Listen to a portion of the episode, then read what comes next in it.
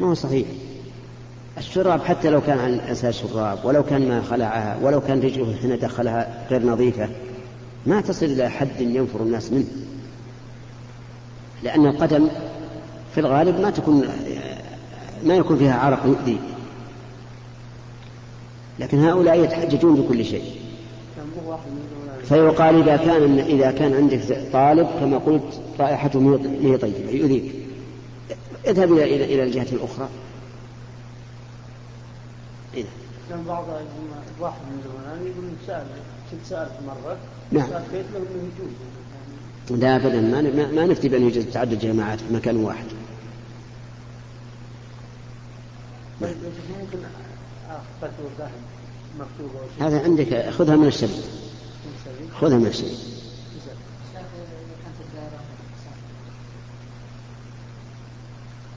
نحن بينا قبل قليل قلنا إذا كان لا يمكن. فكل أهل دور يصلون جميع نعم. نعم. إيه؟ لا هذا المسجد إذا كان ما يكفيهم يصلون في محلاتهم لكن ليس معناه أن نقول كل خمسة ستة وحده يقول كل أهل الدور يجتمعون جميعا. والمستودعات والمكاتب ما دام في دور واحد يسهل عليهم يجون يصلون جميعا أما نجل هذا ضرورة. هذا ضرورة. إذا كان المكان ما يأخذهم فلا بد من من البيت إلى المسجد يجب عليه أن يعزل في المسجد. كيف؟ المسافة من البيت إلى المسجد. مسافة قريبة عرفا ما ما فيها تحديد شرعي. في العرف. نعم. الحمد لله والصلاة على رسول الله. فضيلة الشيخ ما حكم جمع الصلاة بنية السفر قبل التفرق قبل البعد عن البنيان؟ نعم. الجمع بين الصلاتين للمسافر سنة إذا كان يسير في البر وجائزة إذا كان نازلا في البر. أما قبل أن يسافر من بلده فإنه لا يحل له أن يجمع لأن سبب الجمع هو السفر ولم ولم يبدأ به الآن. فلا يجوز أن يجمع إلا إذا إذا خرج من البلد. كما أنه لا يجوز أن يقصر. لو قال أنا عازم على السفر بصلي ركعتين وامشي قلنا لا يجوز. نعم. بسم الله الرحمن الرحيم. يا شيخ نحن شباب من رفحة جينا زيارة بعض المشايخ. نعم. ونخبركم أن الرفحة يسلمون عليكم وعلى جميع الشباب. عليكم السلام. الحمد لله الدعوة ماشية نعم. ويقول إن نحبك في الله ونتقرب بحبك إلى الله. جزاهم الله خيرا. الله يجزاهم خيرا جزاك الله. السؤال يا شيخ يقول آه إذا أمن إنسان جماعة وتذكره في الصلاة أنه على غير وضوء. لم ينتقض وضوءه في الصلاة. لا تذكره دخل الصلاة أنه وضوء. يقول متوضي من الظهر مثلا أو من الصبح نعم. فلما وصلت الركعة الثانية والثالثة تذكر أنه على غير طهارة. فهل تبطل صلاته لوحده أو الجماعة؟ نعم أولا نرجو أن تقرئ أخواننا في رفح السلام منا وتخبرهم بأننا نسأل الله لهم الثبات على ما بشرتنا به من الاستقامة والدعوة وأوصيهم أولا بتقوى الله عز وجل وبإخلاص النية وبالتأني والصبر وألا يملوا من القيام بالعمل الصالح وألا يسأموا الدعوة إلى الله ولو نالهم ما ينالهم من الأذى. ولكن ليكن هذا بالرفق وانشراح الصدر وانبساط الوجه. وقد ثبت عن النبي صلى الله عليه وآله وسلم أن الله يعطي بالرفق ما لا يعطي على العنف. وهذا شيء أخبر به المعصوم عليه الصلاة والسلام وصدقه الواقع. كثير من الشباب الذين من الله عليهم بالهداية والاستقامة يريدون من الناس أن يستقيموا بين عشية وضحاها. فتجد صدورهم تضيق إذا رأوا من الناس عدم سرعة القبول وربما يغضبون.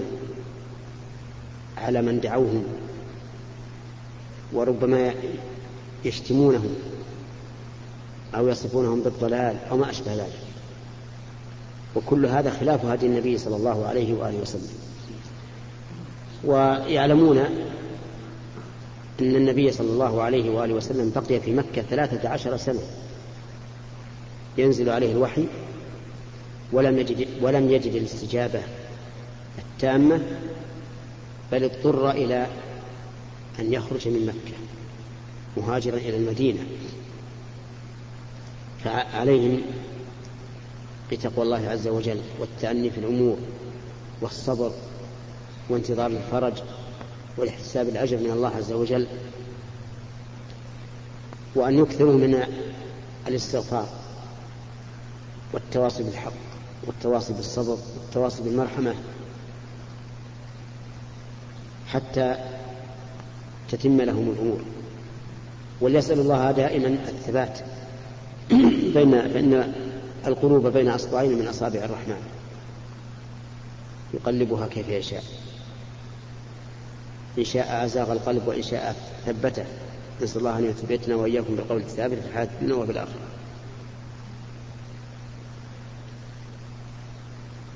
وليحرصوا على تلقي العلم من أهل العلم.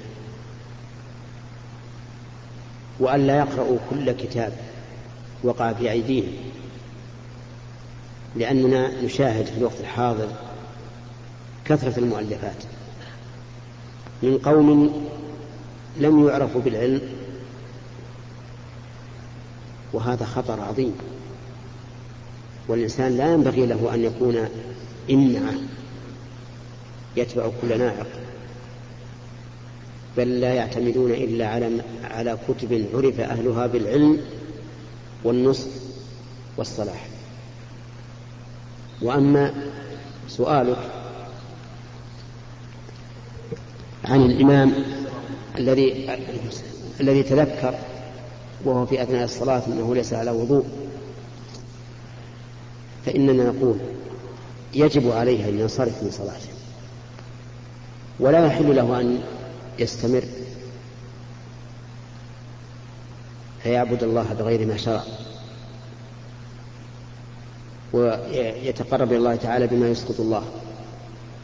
فإن الله لا يرضى من العبد أن يصلي على غير وضوء بل على غير طهارة. عليه أن ينصرف. ثم يقول لأحد الجماعة الذين خلفه يا فلان أتم بهم الصلاة. فإن انصرف دون أن يستنيب من يكمل الصلاة فللمأمومين الخيار بين أمرين إما أن يتموا فرادا وإما أن يقدموا واحدا منهم. أما صلاتهم فصحيحة وليس فيها بأس. ولا فرق بين أن يتذكر أنه ليس على وضوء أو أن يحدث له الحدث في أثناء الصلاة. لا فرق بين هذا وهذا. فالمأموم معذور على كل حال. لأن المأموم لا يدري بحدث إمامه. لو, لو علم أن إمامه محدث ما صلى وراءه. هنا طيب ما في؟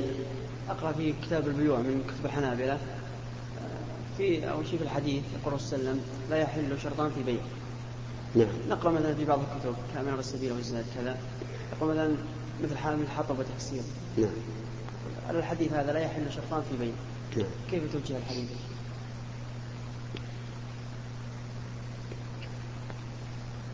توجيه الحديث أن كلام النبي صلى الله عليه وآله وسلم يفسر بعضه بعضا ولا تناقض فيه. فالشرطان في بيع أن نقول أن يقول البائع للشخص بعت عليك هذه السلعة بعشرة مؤجلة بشرط أن تبيعها علي بثمانية نقدا. فتنطبق المسألة على مسألة العينة. ومسألة العينة هي أن يبيع الإنسان الشيء بثمن مؤجل ثم يشتريه من ممن باعه عليه بأقل من من ذلك نقدا. مثل أن يقول بعتك هذه السيارة بخمسين ألفا إلى سنة ثم يشتريها منه بأربعين ألفا نقدا. هذه مسألة العينة وهي حرام سواء اتفق عليها قبل أم لم يتفق عليها. فيفسر هذا الحديث ولا لا لا, يحل سلف البيع ولا شرطان في بيع. على أن المراد بالشرطين بيع العينة. وأما ما ذهب إليه الفقهاء رحمهم الله من أنه إذا جمع بين شرطين فإن العقد لا يصح مثل أن يشترط على الرجل حمل البضاعة وتنزيل وتنزيلها فإن هذا القول ضعيف. والصحيح أن الشروط لو جمعت ألف شرط. وهي شروط معلومة ممكن الحصول عليها فإنها جائزة. لعموم قوله تعالى يا أيها الذين آمنوا أوفوا بالعقود. والأمر بالوفاء بالعقد يشمل الوفاء بأصل العقد وبما شرط فيه. لأن الشروط في العقد من أوصاف العقد فهي داخلة فيه. ولقوله تعالى وأوفوا بالعهد إن العهد كان مسؤولا. ولما يروى عن النبي صلى الله عليه وآله وسلم من قوله المسلمون على شروطهم إلا شرطا أحل حراما أو حرم حلالا. وهذا الحديث وإن كان في سنده كلام كثير لكن يؤيده حديث عائشة الثابت في الصحيحين أن النبي صلى الله عليه وآله وسلم قال كل شرط ليس في كتاب الله فهو باطل. فمفهومه أن كل شرط لا يخالف كتاب الله فهو حق. نعم. إذا سمحوا الإخوان لأن من عادتنا سؤال واحد. في كتب الفقه يا شيخ بعض كتب الحنابلة إيش؟ إيش؟ في كتب الفقه من كتب الحنابلة رحمهم الله في كتاب النكاح. يقولون في المرأة الأفضل أن لا تكون من أقربائه. هل يعني ما ثبت من السنة ما يؤيد ذلك أو خلاف ذلك؟ يقولون في بعض الكتب. نعم نعم. يعني الأفضل لا تكون من أقاربه. أي نعم إن أراد أن يتزوج هذا يذهب إليه بعض الناس بعض العلماء ذهب إليه آه، لفائدتين. الفائدة الأولى أنه أنجب للولد بمعنى أنه يجذبه عرق أمه إذا كانت من قبيلة وعرق أبيه إذا كان من قبيلة. فيجتمع في هذا الطفل أخلاق هؤلاء وهؤلاء. ولأنه أسلم من القطيعة. لأنه قد يحتج بينه وبين زوجته. خلاف يؤدي إلى إلى تقاطع الأرحام ليس بين الزوج والزوجة فقط بل بين الأقارب كلهم من هؤلاء وهؤلاء. ولكن عموم قول الرسول عليه الصلاة والسلام تنكح المرأة لأربع لمالها وحسبها وجمالها ودينها فاظفر بذات الدين يشمل القريبة والبعيدة. ولا يخفى علينا أن علي بن أبي طالب تزوج بفاطمة رضي الله عنها وهي بنت عمه.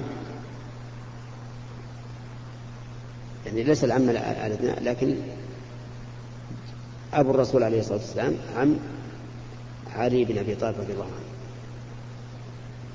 فالصواب أنه لا, لا أنه لا يلتفت إلى القرابة والبعد لكن يلتفت إلى ما أرشد إليه النبي صلى الله عليه وآله وسلم. اظفر بذات الدين تربت ذلك نعم. طيب. شيخ المسائل اللي قال فيها شيخ الإسلام ابن تيمية رحمه الله الأئمة الأربعة. نعم. ما في مؤلف فيها أو كتابه فيها جمعها بعض بعض العلماء. تزيد على عشرين مسألة. لكنه رحمه الله لم يخالفهم بمعنى أنه خرج عن أقوالهم كلهم لكن خرج عن المشهور من أقوالهم. يعني تجد إذا إذا اختار قول من الأقوال لا بد أن يكون له أصل ولا سيما عند الإمام أحمد رحمه الله. لكن يكون هذا القول الذي ذهب إليه غير مشهور فيظن الظان أنه خالف الأئمة الأربعة. بسم الله الرحمن الرحيم. الشيخ أحبك في الله. أحبك الله الذي أحببتني آه، فيه. سؤالي هو إذا كان شعر اللحية أبيض ورد عن الرسول صلى الله عليه وسلم تغيير لونه بالحنة أو غيره. نعم فالسؤال هو ما هو أو أيهما أفضل تغييره أم إبقاؤه على ما هو؟ نعم الأفضل تغييره لأن النبي صلى الله عليه وسلم, صلى الله عليه وآله وسلم أمر بذلك. قال غيروا هذا الشيء وجنبوه السواد.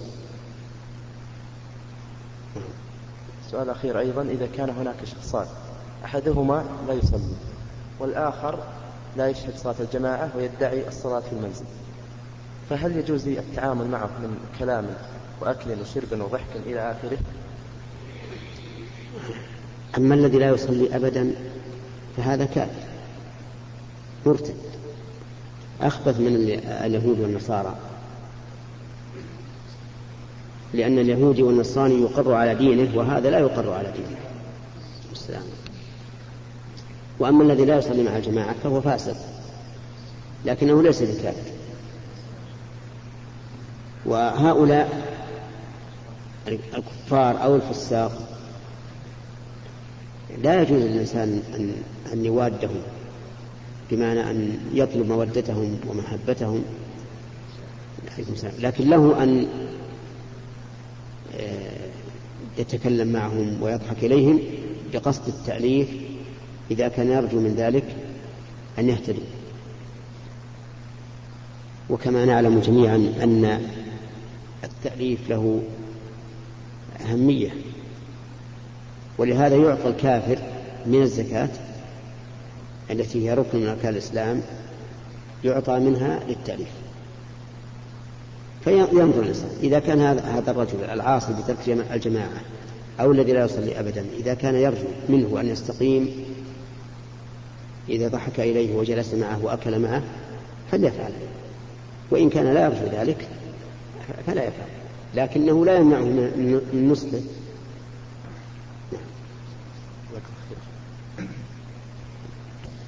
فضيلة الشيخ سمعت من بعض دعاة أكثر من مرة يقول إن الناس يعني قد ضعف قد ضعفوا عندهم عندهم التوكل. آه، وذلك يعني أنك لو سألت شخصا يعني أراد السفر وقلت له عند من تنزل؟ يعني عند وصولك يعني إلى المنطقة التي تريد التي تريد. يقول عند عند قريبي. فيقول إيه، فتقول له إن لم تجد قريبك فيقول يعني معي مال أنزل يعني في فندق أو في شقة أو غيره. فيقول إن ضاع المال فيقول الله أنزل يعني يقول الله يسهل الأمر. فيقول هذا يعني وضع الله سبحانه وتعالى يعني يعني جعل الله سبحانه وتعالى في المرتبة الثالثة. فهو يعني ضعف في التوكل. وهذا يا فضيلة الشيخ ترى كثير وموجود. وأمثال هذه الكلمة يعني متداولة عندهم كثير وهم الذين قد سئلت عنهم في الحلقة الماضية في الجلسة الماضية. أقول إن من الآفات أن يتكلم الإنسان بشيء لا يبنى على كتاب الله ولا سنة رسوله صلى الله عليه وآله وسلم. فيتصور الحق باطلا أو الباطل حقا. ومن المعلوم أن الإنسان إذا أضاف الشيء إلى سببه المعلوم أنه جائز. فإذا قيل المسافر كيف تسافر؟ إلى من تذهب؟ قال أذهب إلى قريبي فإن لم أجد فمعي دراهم أنزل الفندق. فإذا لم يكن معي عندي قريب ولا معي دراهم فسييسر الله الأمر. فليس في هذا شيء من ضعف التوكل. لأنه, لأنه في الأول اعتمد على أسباب من ظاهرة معلومة. فإذا فقد هذه الأسباب فقد علق الرجاء بالله. حتى في المسألة حتى في اعتماده على الأسباب المعلومة هو في قرارة نفسه أن الله هو الذي يسرها له. هو الذي سهلها عليه. ولولا تسير الله تعالى ما تيسر. ولا يعني ذلك أني جعلت أنه جعل الله في المرتبة الثالثة. بل هو بين الأسباب المعلومة المحسوسة وإذا تعذر فالله تعالى سيسر الأمر. وليس في هذا شيء أبدا من نقص التوكل أو ضعف التوكل. نعم. الله عنك. المسافر إذا صلى الجمعة هل تسقط الراتب الظهر أو يصلي؟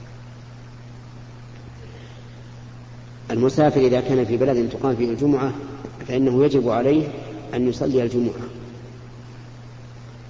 لقوله تعالى يا أيها الذين آمنوا إذا نودي للصلاة من يوم الجمعة فاسعوا إلى ذكر الله وذروا البيع.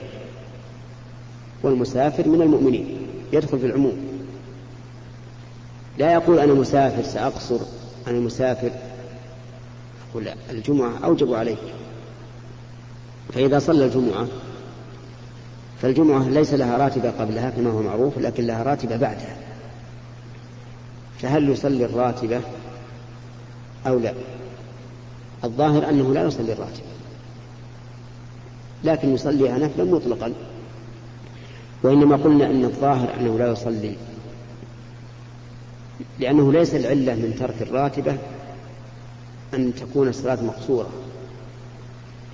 بدليل أن المغرب للمسافر ليست مقصورة ومع ذلك لا يصليها الراتبة فنقول لا ليس لها راتبة في حقك ولكن إن صليتها تطوعا مطلقا بغير قصد الراتبة فلا بأس.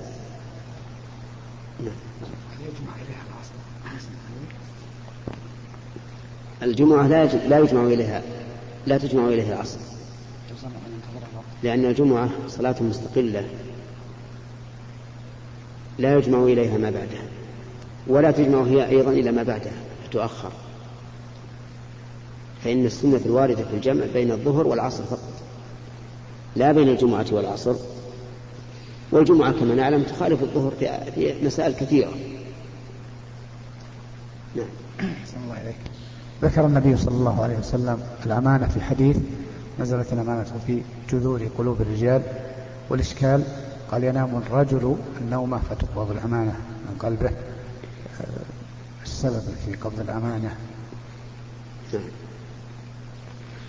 المراد والله أعلم في هذا الحديث أن الإنسان ينام وقلبه على الأمانة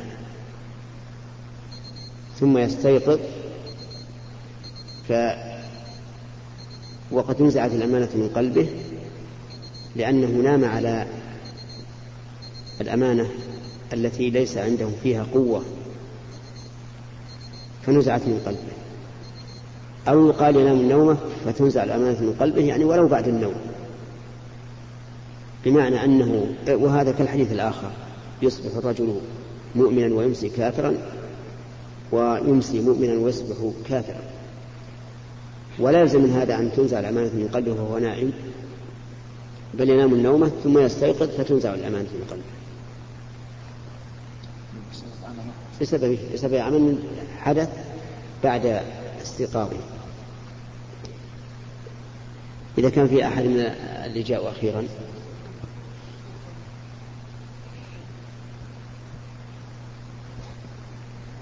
الحمد لله رب العالمين. فضيلة الشيخ كثيرا ما نسمع أن الشخص أن الإنسان يعذر بالجهل بالجهل. وأن هناك عذر بالجهل. فمتى حد الجهل في هذا؟ الأحكام الشرعية وفي غيرها. الجهل بارك الله فيك عدم العلم الجهل أن لا يعلم لكن أحيانا يكون الإنسان يعذر بالجهل فيما سبق دون ما حضر. مثال ذلك ما ورد في الصحيحين من حديث أبي هريرة أن رجلا جاء فصلى. صلاة لا يطمئن فيها. ثم جاء فسلم على النبي صلى الله عليه وآله وسلم فقال له ارجع فصلي فإنك لم تصلي. كرر ذلك ثلاثا. فقال والذي بعثك بالحق لا أحسن غير هذا فعلمه. فعلمه. ولكنه لم يأمره بقضاء ما مضى لأنه كان جاهل وإنما أمره أن يعيد الصلاة الحاضرة. فإذا كان الإنسان لا يصلي مثلا فيما سبق بناء على أنه لم تجب عليه الصلاة وهو في محل ناعي ليس عنده من يسأله من أهل العلم فإننا لا نأمره بقضاء بقضاء ما فاته. لأنه معذور. أما إذا كان في بلد فيه العلماء ولكنه فرط فهذا لا يعذر في جهله ويقع هذا كثيرا في في النساء. تحيض وهي صغيرة فتظن أنها لم تبلغ. بناء على أن البلوغ لا يكون إلا بتمام خمسة عشرة سنة. فتجدها تدع الصيام. بناء على أنها لم تبلغ. ثم تأتي بعد ذلك تسأل. تقول إنها بلغت إنها حاضت مثلا وبقت سنتين أو ثلاثا لم لم تصم رمضان. هل تقضي؟ ننظر. إذا كانت في بلد فيه العلماء ويمكنها أن تسأل أهل العلم فهي مفرطة نلزمها بالقضاء. وإذا كانت في مكان بعيد عن العلماء كأهل البادية فإننا لا نلزمها بالقضاء لأنها, مجهول لأنها جاهلة ومعذورة. ليس عندها من تسأل وليس وليس العلم الشرعي متداول في البادية فتعذر كل شيء كل شيء يكون الإنسان فيه معذورا فإنه معفو عنه لأن الله قال وما كنا معذبين حتى نبعث رسولا. وقال. وما كان ربك مهلك القرى حتى يبعث في أمها رسولا يتلو عليهم آياتنا. وما كنا مهلك وما كنا مهلك القرى إلا وأهلها ظالمون. نعم. بسم الله الرحمن الرحيم. عفى الله عنك. في الجلسة الماضية قلت لك كلمة من طرف العقيدة على بعض على بعض على بعض البلاد الخارجية. وتكلموا عليك عليك بعض الطلبة بعض الحاضرين كلام حافي عني ومستنكر من كلامك. والحقيقة أني أنا بعد بالنسبة شهدت منهم من من هذول من الناس اللي اللي أنا شهدت منهم. أنهم لو أنه يقرأ القرآن عفى الله عنك. ويجود القرآن لازم أنه معلق على على قطع التميم. أن نطع فيها شو اسمه جلد وفيها وفيها كتابات. ولا منهم صلى كانوا حالهم لو يتجمعون في الأعياد العمال يتجمعون حتى يقربون العشرين. يعني ما يصلون جماعة. ويصلون يقولون إحنا ولما عتبناهم في ذلك. وقلنا لماذا السبب هذا؟ قالوا إحنا ما إحنا مثلكم. إحنا ما حد يتحمل ذنب احد ما حد الإنسان ما يعجز عاجزان عن نفسه. ما كل يصلي على نفسه حتى ما يتحمل ذنوب ذنوب الناس الثانية. ويعيبون علينا يقولون أنتم أنتم ما ما, ما فيكم رحمة. قلنا لماذا؟ قالوا إحنا لما مات عندنا الميت نتجمع على شيء على الشيخ. أكبر شيخ في البلد نتجمع عليه. ونقرأ قرآن ونروح عند بيت الميت ويسوون طعام وندري إيش يسوون بس بالصراحة وإني لو إني بالصراحة بنفسي أنا عقب ما جربت منهم وشفت لو إن فيه إنسان يحسن الحمد من من المملكة لله الحمد الشكر صليت وراه ولا صليت مع معهم وراهم وهم يقرؤون وهم يكون مقلب القرآن غير وش السؤال؟ هذه شكاية ولا سؤال؟ لا السؤال إني على يعني العقيدة يعني أنا مصيب ولا لا؟ لأن الواحد منهم قليل اللي يعني ما يصير ما يصير عليها يعني حلقة لا حلقة يعني نطع حط على عضه إيه؟ وحاطين عليها فيها وسط كتابات إيه؟ الثاني إني ما أدري ان في إنسان يقرأ القرآن مضيب القرآن كله ويعمل العمل هذا وصلي لي مع واحد من من المملكة ما يحسن ما يحسن الحمد فقط. إيه؟ أنا يعني بصراحه يعني مع مع الصلاة هذه لو انهي ما. والله هذه لو, لو تخبرنا عن شخص معين بطيره المجلس هذا لجنا ربما يهديها الله. إن شاء الله تعلم لي في وقت ثاني. بس أنا ما هو واحد يعني أنا أنا لأن الامام الإمام ولا عاد اللي غير إمام ما هو مشكلة. لكن وش رأيك في راي من من, يص... من. يعني مثل اني لو إنه قارئ القرآن واشوف عليه مثل يعني بعض الحاجات؟ هذا هذا يمكن جهاز الله ما ما ما بلغون هذا من نوع من الشرك. واخذينها أخذها الصغير عن الكبير. لكن يعلمون. نعم.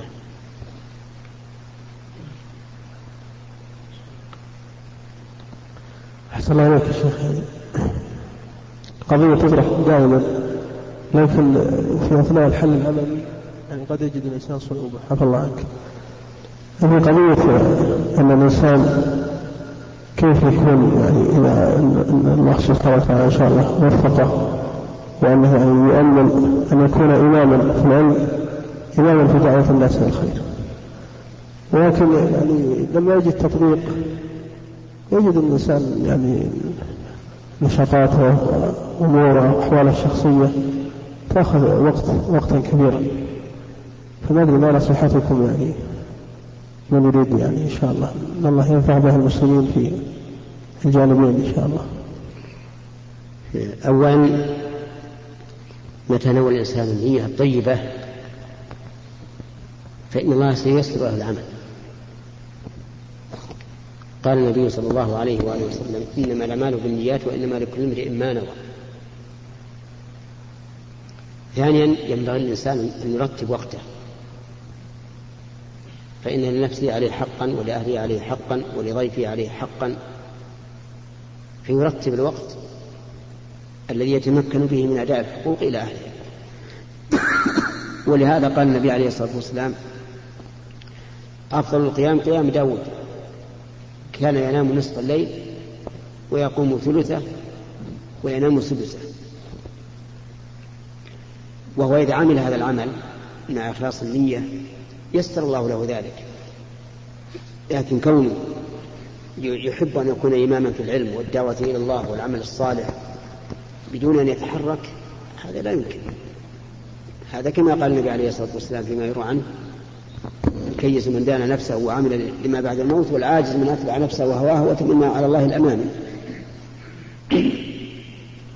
نعم. أحبك في الله يا شيخ. وهنالك شاب بإذن الله ملتزم يعني ويلاعب صغار من الحارة والشباب. فينصحونه الإخوان فيقولون هذا لا يليق بك لأنك إنسان متمسك. فلا أعلم هل في ذلك يعني وهم يقولون أنهم عصاة. فلا أعلم يعني هل يقولون أنهم عصاة؟ إي نعم يعني كالعصاة الصبيان دول؟ يعني مو بعصاة يعني بس يعني يتلفظون بألفاظ يعني وربما تصل إلى يعني ترك الصلاة. نعم. ولكن ليس يعني بالكلية.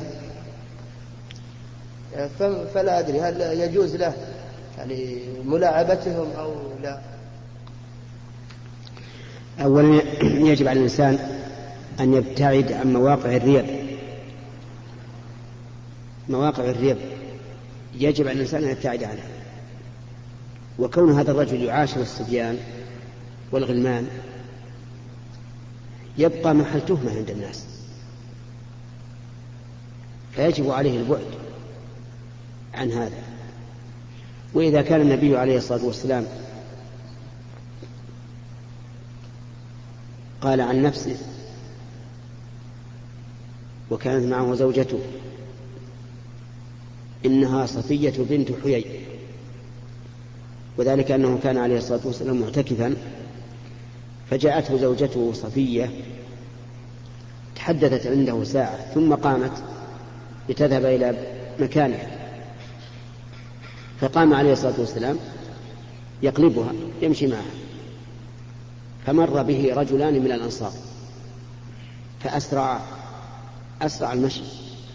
لما رأى النبي صلى الله عليه وسلم ومعه امرأته خجلا وحياء فقال عليه الصلاة والسلام على, رس على رسلكما إنها صفية بنت حيي. فقال سبحان الله. يعني نحن لا نظن شيئا. فقال النبي صلى الله عليه وسلم إن الشيطان يجري من ابن آدم مجرى الدم وإني خشيت أن يقذف في قلوبكما شرا أو قال شيئا. مع أن المسألة أبعد مما بين السماء والأرض في أن يكون الرسول صلى الله عليه وسلم محلا لما لا يليق به صلى الله عليه وآله وسلم. فكيف بغيره؟ فنصيحتي لهذا الأخ الملتزم أن يبتعد عن مواطن الريب ليسلم عرضه ويسلم دينه. ثم إني أيضا لا آمن عليه. أن يلقي الشيطان في قلبه ما يلقي من الشر. مع كثرة مخالطة هؤلاء الصبيان ومعاشرتهم نعم لو فرضنا مرة من المرات مثلا مزح, مزح مع أحد منهم فهذا لا بأس به مع سلامة القلب. فإن الرسول عليه الصلاة, والسلام كان يلاطف الصبيان ويمزح معهم وقصته مع الصبي الذي كان عنده طائر صغير يسمى النغير. وهذا الطائر كان مع هذا الصبي يفرح به ويلعب به فمات الطائر. فحزن عليه الصبي. فكان الرسول عليه الصلاة والسلام يقول لهذا الصبي يا أبا عمير ما فعل النغير. وأما معاشرتهم أي معاشرة الصبيان والغلمان فإني أشير عليه أن يدعها ليسلم عرضه ويسلم دينه. نعم. حتى من باب الدعوة لا يعاشر. لا يعاشر. لكنه يأتي إليهم ويدعوهم ويكون معه أناس آخرون بحيث لا ينفرد بهم. نعم. أحسن الله إليك يا شيخ. هناك حديث ثابت عن النبي صلى الله عليه وسلم أنه أمر أحد الصحابة آه، وقال له لا تدع قبرا مشرفا إلا سويته ولا صورة إلا طمستها. نعم. فهل آه، هناك حديث آه، ثابت عن النبي صلى الله عليه وسلم أن كان في عهده صور مهانة؟ وهل الأفضل مهانة؟ مهانة؟ كيف؟ كان في عهده صور إيه كان هل يعني هناك دليل أنه كان في عهده صور مهانة وهل الأفضل طمسها أو يدعها؟ أو إيش؟ أو أو يدعها الصور المهانة يدعها أما الذي أوصاه الرسول عليه الصلاة والسلام بذلك فهو علي بن أبي طالب أوصاه أن لا يدع صورة إلا طمسها. وفي لفظ تمثالا إلا طمسه ولا قبرا مشرفا إلا سواه. فالمشروع طمس الصور ولا سيما الصور التي تعظم كصور الزعماء والعلماء والأمراء وما أشبه ذلك. ولهذا قال ولا قبرا مشرفا إلا سويته لأن القبر المشرف قد يكون معظما تعظيما يؤدي إلى الشرك وكذلك هذه الصور. وأما الصور المهانة فإن جمهور العلماء أجازوها واستدلوا بحديث المخدة أن النبي صلى الله عليه وسلم لما دخل على عائشة وعندها قرام سترت به بيتها أنكر ذلك فشقته وجعلته وسدتين يرتفق بهما. قال العلماء فهذا دين على أنها إذا كانت مهانة فإنه لا بأس بها. لأن الذي يحذر من الصور إنما هو التعظيم. فإذا أهينت زال المحذور. وهذا هو الذي عليه جمهور العلماء. وقال بعض العلماء إنه لا يجوز إقرار الصورة ولو كانت مهانة. وأنه لا يجوز أن يفترش الإنسان ما فيه الصورة ولا أن يتكئ على ما فيه الصورة. وهذا بلا شك أحوط وأسلم. نعم. المجلات ما نوعان. مجلة تصوير هذه لا تجوز. ومجلة علم لكن فيها صورة مثلا أحيانا هذه ما تضر إن شاء الله. ملابس الأطفال المصورة لا يجوز لا يجوز لولي الطفل أن أن يلبسه إياها. شيخ الزيادة في التسليم. نعم. الزيادة في التسليم من الصلاة الزيادة وبركاته. لا بأس بها لا بأس بها أحيانا.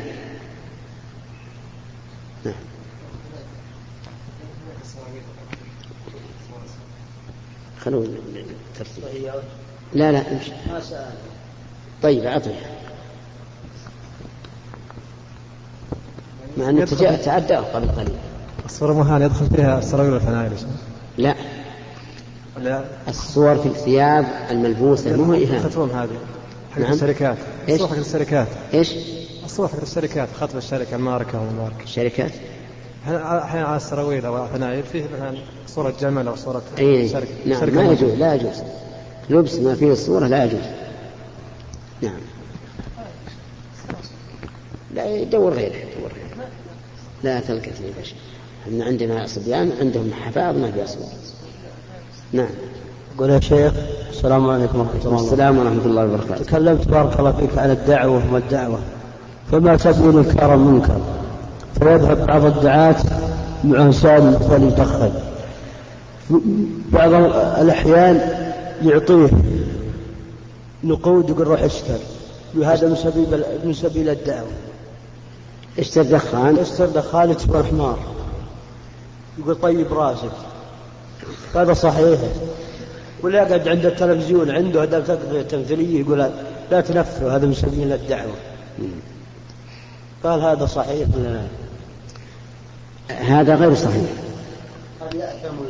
الإقرار على المنكر منكر. وكونه يعطيه دراهم يشتري بها دخانا. من باب ليتألفه. هذا غير صحيح. تأليفه أن ينصحه ويبين له مضار المعصية سواء كان دخانا أم غير دخان. ويحذره من منها ويعطيه مثلا أشرطة موجهة رسائل كتيبات هذا التأليف أما أن يباشر المعصية هو بنفسه يروح يشتري له الدخان أو يعطيه الدراهم يشتري له الدخان هذا غير صحيح. معلوم. اللي اللي يحضر المنكر إلا من حضر المنكر لإزالته. مثل جلس عند قوم عندهم تلفزيون يعرض أشياء محرمة فجلس لكن لم يبادرهم على طول بالإنكار. جلس وجعلهم مثلا يطمئنون إليه ثم قال إن هذا حرام ولا يجوز وينصحهم إن أعرضوا عنه يعني وغلقوا التلفزيون فهذا هو المطلوب. وإن أصروا يخرج. إن بقي بعد ذلك فهو آثم. نعم. السلام عليكم ورحمة الله وبركاته. عليكم السلام ورحمة الله وبركاته. ما المراد بقوله تعالى يا أيها الذين آمنوا عليكم أنفسكم لا يضركم من ضل إذا اهتديتم إلى الله مرجعكم فينبئكم بما كنتم تعملون. نعم. جزاك الله خير المراد بها أن الله حث الإنسان على أن ينجي نفسه. وإذا أنجى نفسه بقيامه بما أوجب الله عليه فإنه لا يضره ضلال من ضل. ولا يعني هذا أن الآية تسقط الأمر بالمعروف والنهي عن المنكر. فإن أبا بكر رضي الله عنه قام في الناس وقال إنكم تقرؤون هذه الآية يعني وتنزلونها على غير ما أراد الله. يا أيها الذين آمنوا عليكم أنفسكم لا يضركم من ضل إذا اهتديتم. وإني سمعت النبي صلى الله عليه وآله وسلم يقول إن الناس إذا رأوا المنكر فلم يغيروه أوشك أن يعمهم الله بعقابه ولهذا جاءت الآية الكريمة مقيدة. لا يضركم من ضل إذا اهتديتم ومن الهداية أن تأمر بالمعروف وتنهى عن المنكر. نعم.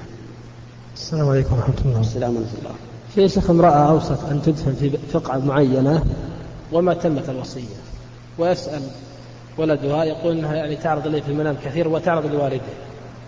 والآن لهم سنة يعني دفنوها فيسأل هل هو هل هل يعتبر هذا عصيان ثم هل يجوز يعني نبش القبر وارجاعه للمكان الذي أوصت فيه؟ نعم.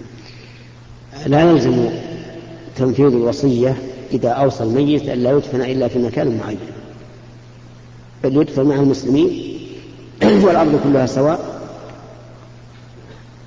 وكان الصحابة رضي الله عنهم إذا مات منهم الميت في أي مكان دفنوه. فهذه الوصية لا لا يلزم تنفيذها. وكونها تعرض له في المنام لأنه كان يفكر فيها. كان يفكر ومعلوم أن الإنسان إذا فكر في الشيء قد يراه في المنام. يعني ولهذا عند الناس يقولون حلومها النجم حديث قلوبها نعم. ما يدخل تحت يعني هذا الوصية؟ أبدا هذا لا- لا يجب تنفيذها لأن ما في مقصود شرعي. طيب يا شيخ إذا حصل الجمع جمع التقديم في عن مطر هل يصلي سنتي المغرب والعشاء مثلا أو الظهر والعصر بعد الجمع؟ ما وقت إيه. الظهر العصر ما بعد جاء أي نعم. إذا جمع بين الظهر والعصر جمع تقديم أو جمع تأخير فإنه يصلي راتبة وكان غير مسافر فإنه يصلي راتبة الظهر بعد العصر. لأن لأن لها سببا. وفعل ذوات الأسباب في وقت النهي لا بأس به لأن ذوات الأسباب ليس ليس عنها وقت ليس عنها نهي. كل ما وجد سبب الصلاة